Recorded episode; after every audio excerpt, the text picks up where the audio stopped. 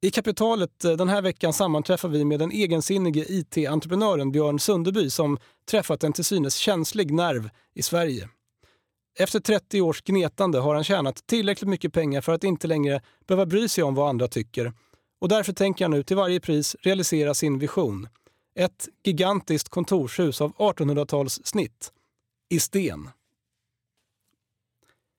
Kapitalet görs i samarbete med eh, SPP, eh, pensionslösningar för privatpersoner och för företag.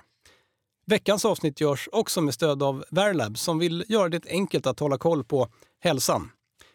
Jag har ju testat deras eh, Excel-tjänst. Jag fick göra ett blodprov på en vårdcentral i mitt kvarter och inom ungefär en vecka kunde jag logga in på Verlabs hemsida och där alla mina värden fanns sparade och kommenterade. Det ni hör i bakgrunden är min son Frank. Alla i familjen är sjuka och han fick följa med till studion. Men vill ni testa på eh, det här, eh, beställ ett prov på verlabs.se, WER Labs och ange rabattkoden kapitalet. Kapitalet. Bra Frank. Så drar de 10% från priset. Jag vill passa på att välkomna ni som är nya lyssnare till eh, Kapitalet. Ett program där jag, eh, Jakob Bursell alltså, eh, försöker dyka ned i till synes intressanta ämnen med bäring på ekonomi och finans.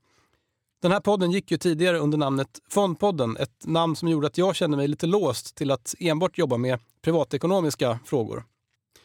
Nu är min förhoppning och ambition att med tiden utveckla det här till ett riktigt bra veckoprogram med reportage och intervjuer om ekonomi överlag. Och jag testar nu en del olika ämnen och format för att se vad som fungerar bra och vad som fungerar mindre bra. Dessutom, eh, som i veckans avsnitt, eh, försöker jag också hitta en del nya röster att samarbeta med så att ni får lyssna på andra än mig.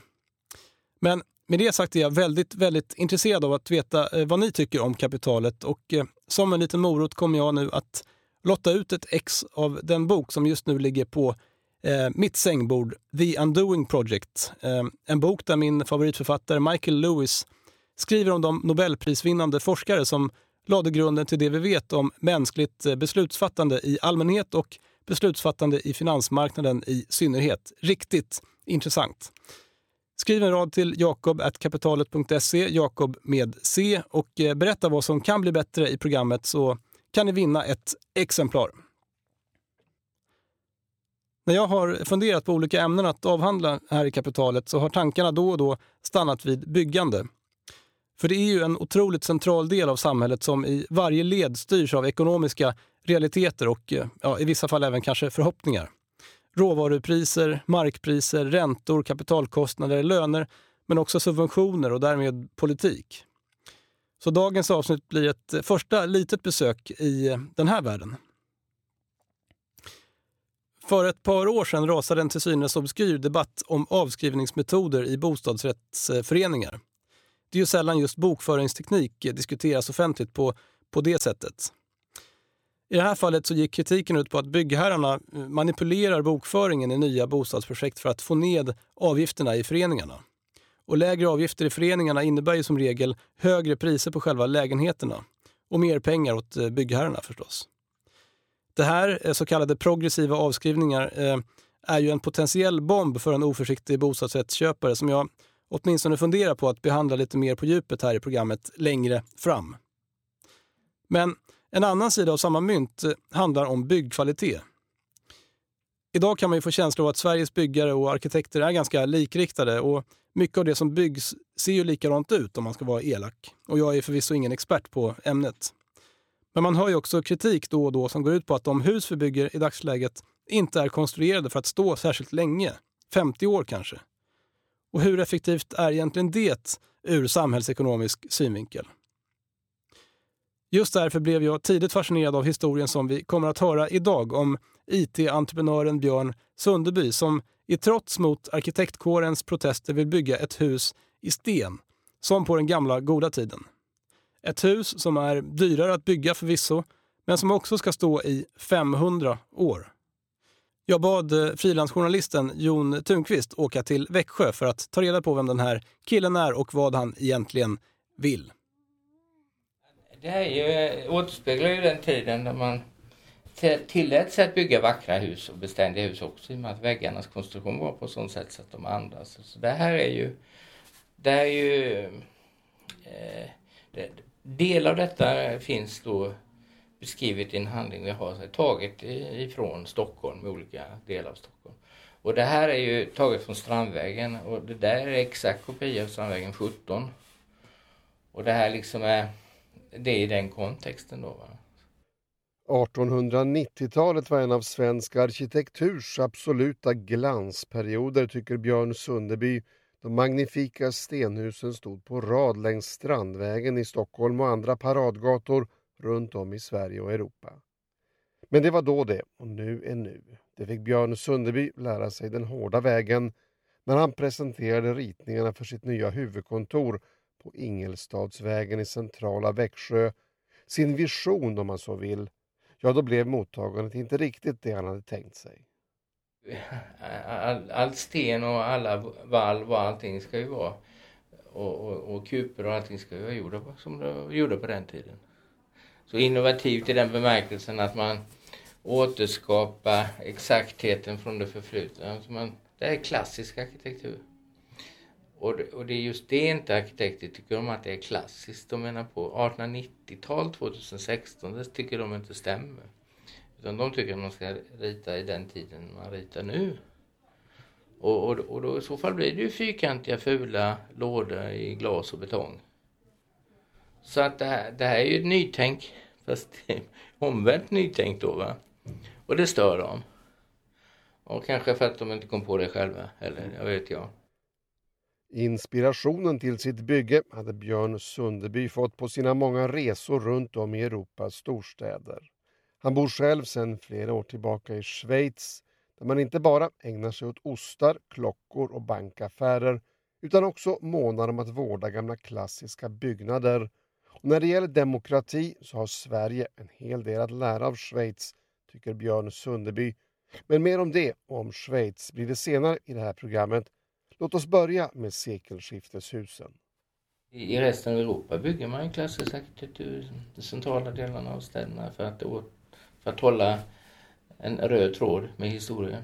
Men det får man tydligen inte göra i Sverige.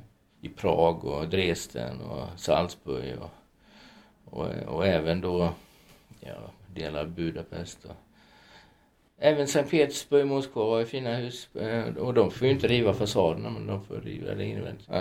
Man kan säga att man kan använda pengar på olika sätt va? naturligtvis. Va? Det var ju en tid när jag byggde upp istället att hade mat för dagen. Och, och, och, jag vet hur svårt det är med startup och, och unga killar som startar bolag och inte klarar ut det. Men när man har kommit, så man har, nu har en fungerande verksamhet som jag sa tog 35 år att komma igång med. Så kan man tillåta sig kanske att göra saker som man inte skulle kunna göra annars. Så det är ju en förmån. Mm. Jag kollar på det här, alltså, du säger att det, man, man, får inte bygga det i 1890-talet. Alltså, var, varför är det så kontroversiellt idag att bygga hus i sten? Alltså. Nej, de emot? Nej, det är det för att de, de har sin idé om, eh, precis som jag sa, att eh, arkitektskolan säger, de blir indoktrinerade på arkitektskolan. Alltså, det är energi i den här typen av hus. Det gör ju inte en fyrkantig låda. Den dränerar mig på energi när jag ser den. Så att, eh, om det är fel eller rätt, eh, det får ju historien uttala sig om. Eh, det gäller att få tillstånd först. Tillstånd, ja, eller bygglov som det heter i sådana här sammanhang. Ofta ren formalia, men inte den här gången. Orsaken är inte att Björn Sunderby snabbt som attan vill smälla upp en kontorslåda i glas och betong. Nej, det är faktiskt tvärtom. Björn vill bygga i sten och i en stil som var populär vid sekelskiftet, förra sekelskiftet. Alltså för sisådär 120-130 år sedan då den förhärskande byggnadsstilen var det som nu går under benämningen jugendstil med arkitekter som Ferdinand Boberg som verkade i Stockholm och Malmöarkitekten Oskar Hägg. Det som kännetecknade jugendstilen var pampiga fasader, ofta med motiv från djur och växtriket. Centralbadet i Stockholm, liksom Kungliga Dramatiska Teatern, Dramaten, är exempel på jugend. Internationellt brukar spanjoren Antoni Gaudi räknas hit, han som ritat den berömda katedralen Sagrada Familia i Barcelona, bland annat. Björn Sundeby kan alltså, inte utan fog, hävda att han har historien på sin sida i sitt byggprojekt. Men historia är en sak, nutid en helt annan och hittills har Sunderby inte vunnit gehör för sina planer, något som försenat hela bygget. Och det beror ju på att det är arkitekter som pyttar in eh, eh, lite grus i maskineriet hela tiden. Man ska göra utredning om det ena eller andra som kanske inte är så nödvändigt. Men i alla fall, ja, vi anpassar oss till det. Så att vi, vi utreder allt de vill utreda så får vi hoppas att de ger upp så småningom. Men vad ser du själv? Alltså, är det tio år bort? Eller vad är Nej, jag hoppas att vi kommer att bygga 2019. Och färdigt 2021. Och då, då river vi detta och börjar bygga detta 2021 och färdigt 2024. Så det är, på så vis är det en sjuårsplan. Ja, för när det väl, alltså när man har tillstånd så är det själva byggandet är inte så mycket mer komplicerat än Nej, det är det inte. Det, det, gäller ju att ha bra logistik och ja. Eh, bra upphandlingar och vara noga för att det här, det här kan dra iväg det här, kostnaden för detta mm. Eh, utöver det som vi möjligtvis kan acceptera. Va? Det gäller att styra detta projektet. Vad ser du själv? Vill du bo i huset? Ja, du vill ja vill jag. Eh, jag har ju rätt att ha övernattningslägenhet i Sverige så att eh, det, det finns ingen annan plats jag vill ha det på än här. Det, så är det bara. Och sen kommer jag ju ta hänsyn till, det är de som är 55 plus som har råd att köpa detta hus. De som har folk in, hus innan som kan sälja det då. Jag vill ordna lite service för dem. Städhjälp, restaurang, ja lite av varje då. Så det får ju bli en process tillsammans med de som köper här då. Va? Det kommer bli ägarlägenheter så att de får göra vad de vill invändigt. Kontor och bostäder alltså. Björn Sundeby visar på ritningarna var huset ska ligga och hur det är tänkt att passa in i den omgivande miljön. Han är en bestämd man, det märks. 35 år har gått sedan han startade IST. Då var det knappt någon som visste vad ett IT-bolag var. Och ska man tro Björn Sundeby själv så verkar det nästan som han halkat in på ett bananskal. Från början var det en tillfällighet och det var rätt timing.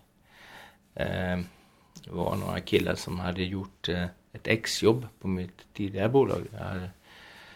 Jag hade, visserligen läst eh, ekonomi med datainriktning.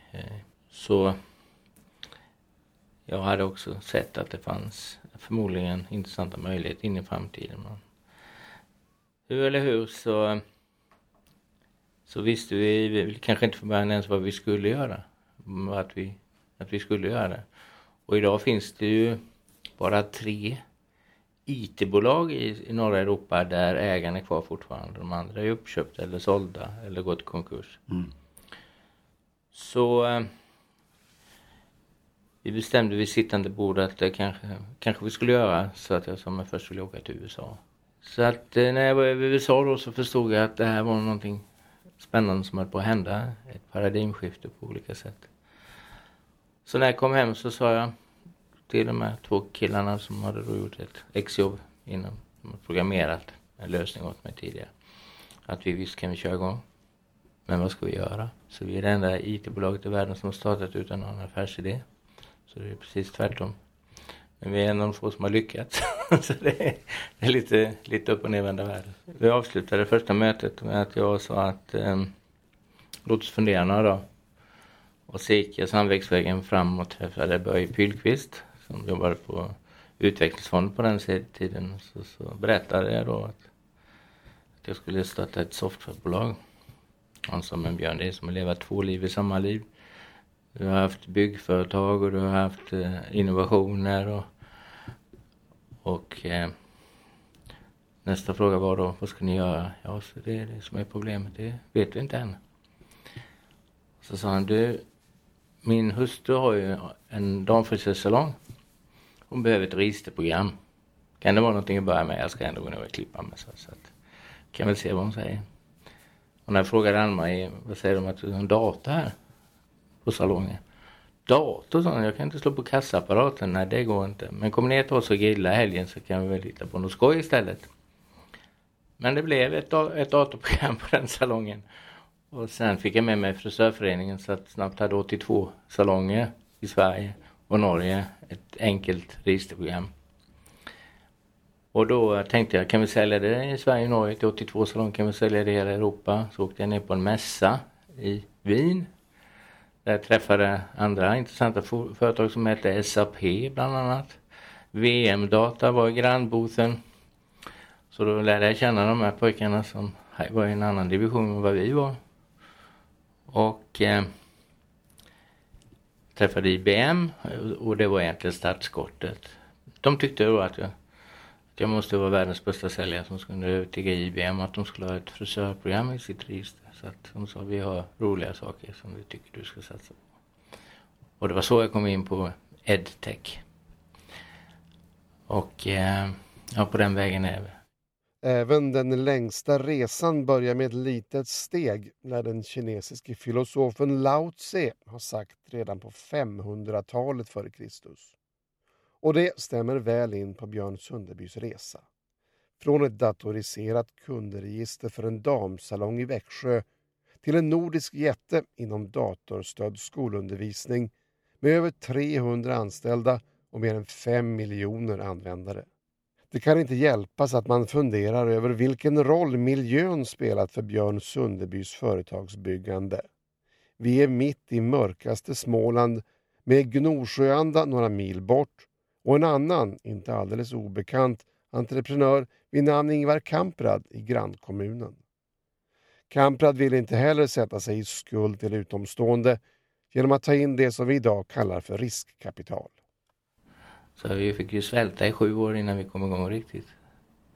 Så det var ingen ersättning. Och det är svårt att tro, mm. men så var det. Och eh, ibland fick, eh, fanns det inte pengar till löner. Och då fick de lite aktier istället. Så när jag köpte tillbaka dem. Så att eh, det blev en lång resa som nu är nu är det värderat till över en miljard så att det är lite skillnad ja. på då och nu. Men ja. det gäller att vara uthållig och nu, nu när vi gjorde det, vårt bästa år någonsin förra året. Vi tog alla utvecklingskostnader rakt av 70 miljoner, levererade ändå en vinst på 50 miljoner. Mm. ebitda. Så hade jag eh, en lite tal för ett gäng här på IST så nu har vi startat.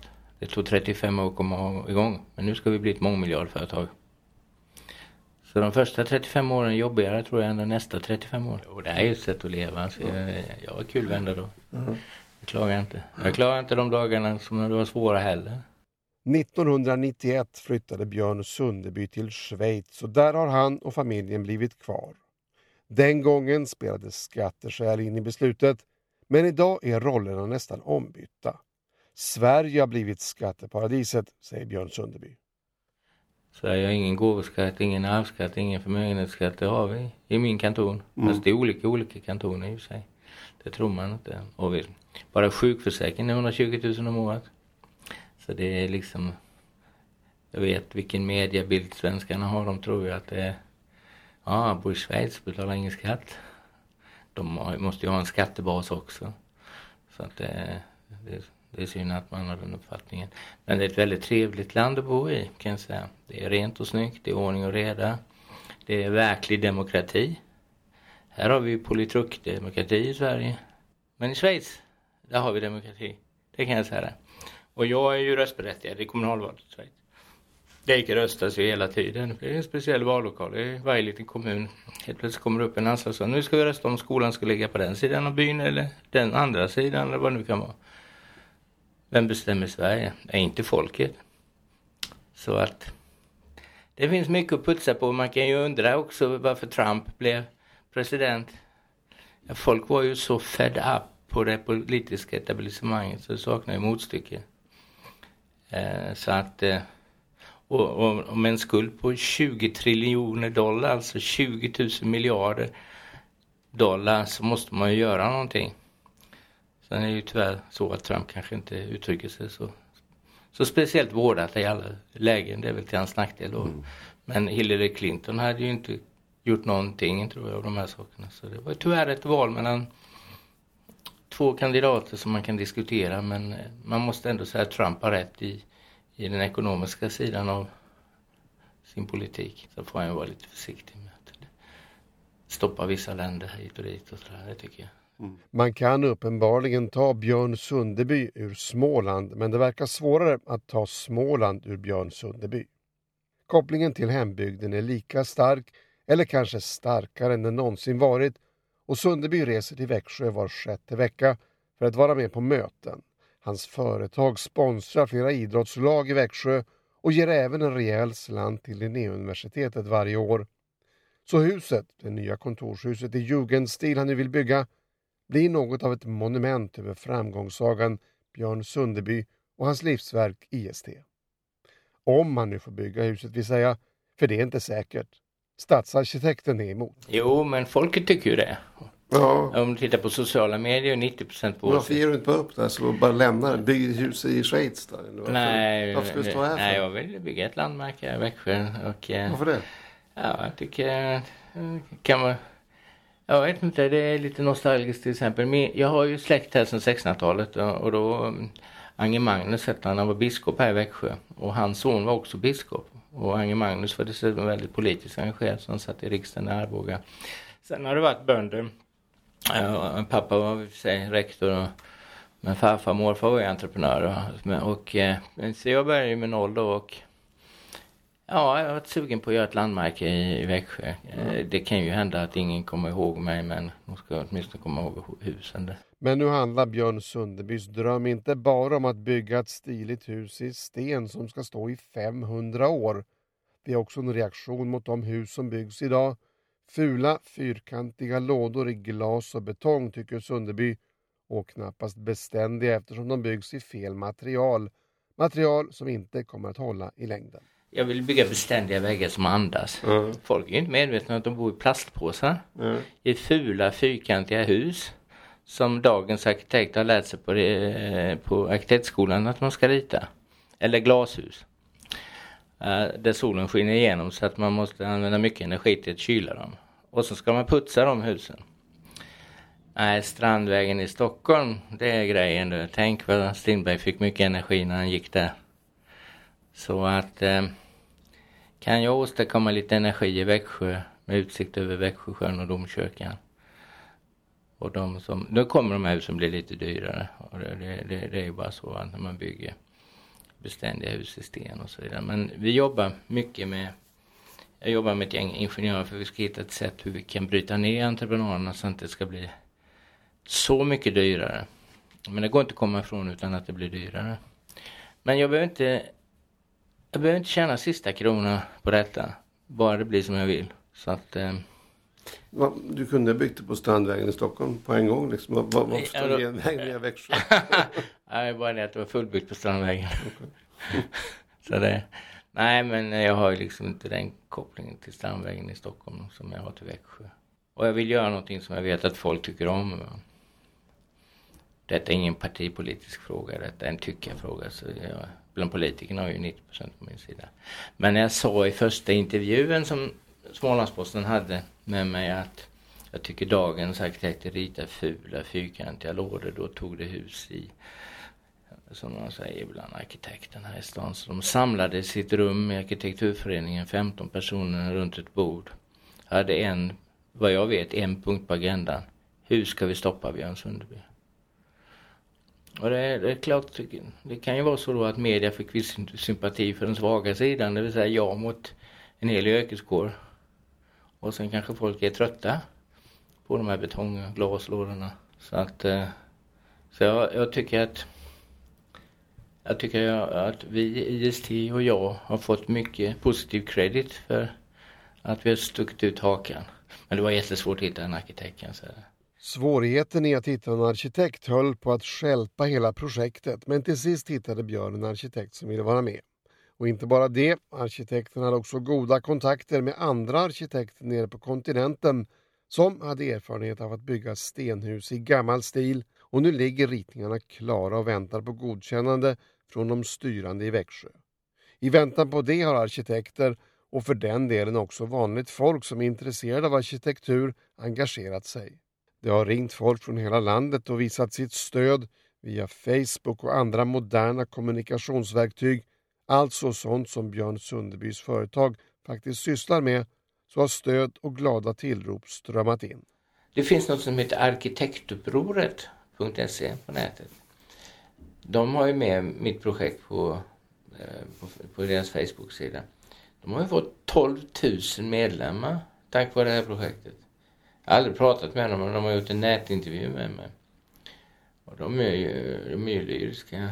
Så de, eh, det, han som var ordförande innan var ju läkare och jag fick mail samma dag, det var första intervjun på tv, så, så, så skrev han det. Vet du Björn att du är en fantastisk person? Jag tänkte, det har jag ingen aning om. Men han menar på att, att överhuvudtaget våga göra detta, vilja göra detta, utmana en hel arkitektkår. Jag förstod inte riktigt konsekvenserna just då. Jag, jag, jag kunde inte förstå att det var möjligt att det kunde bli en sån mediahysteri kring detta. Något så självklart som att man bygga vackra, beständiga hus. Jag var eh, liksom jätteförvånad. Jag kunde bygga en fyrkantig låda vi hade tjänat jättemycket pengar på. Men liksom vår näring är ju att tjäna pengar på att göra bra system som folk har nytta av. Och det är ju där som är vår business. Det här är ju inte vår business. Det, det här är ju bara något vi vill göra för att vi vill göra något vackert och beständigt. Att göra något vackert och beständigt, ja, framtiden får utvisa om Björn Sundeby lyckas övertyga politikerna och arkitekterna i Växjö om att få bygga det nya huvudkontoret för IST det dataföretag som Växjösonen Sundeby startade 1982, alltså för 35 år sedan. Ett stenhus i jugendstil som på Strandvägen i Stockholm är Björn Sundebys dröm. Ett hus byggt i sten och med tinnar och torn och ståtlig fasad.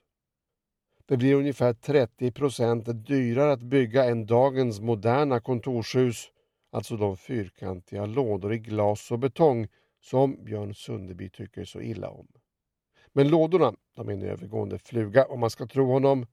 Hans hus ska stå i 500 år, minst. Jag heter Jon Thunqvist. Tack för att ni lyssnat. Det här var alltså Jon Thunqvist som träffade IT-entreprenören Björn Sundeby. Och med de orden är också kapitalet slut för idag. Eh, glöm inte att höra av er med lite synpunkter om eh, programmet till jakob.kapitalet.se och Jakob alltså med C. En bok kan ni vinna, eh, The Undoing Project.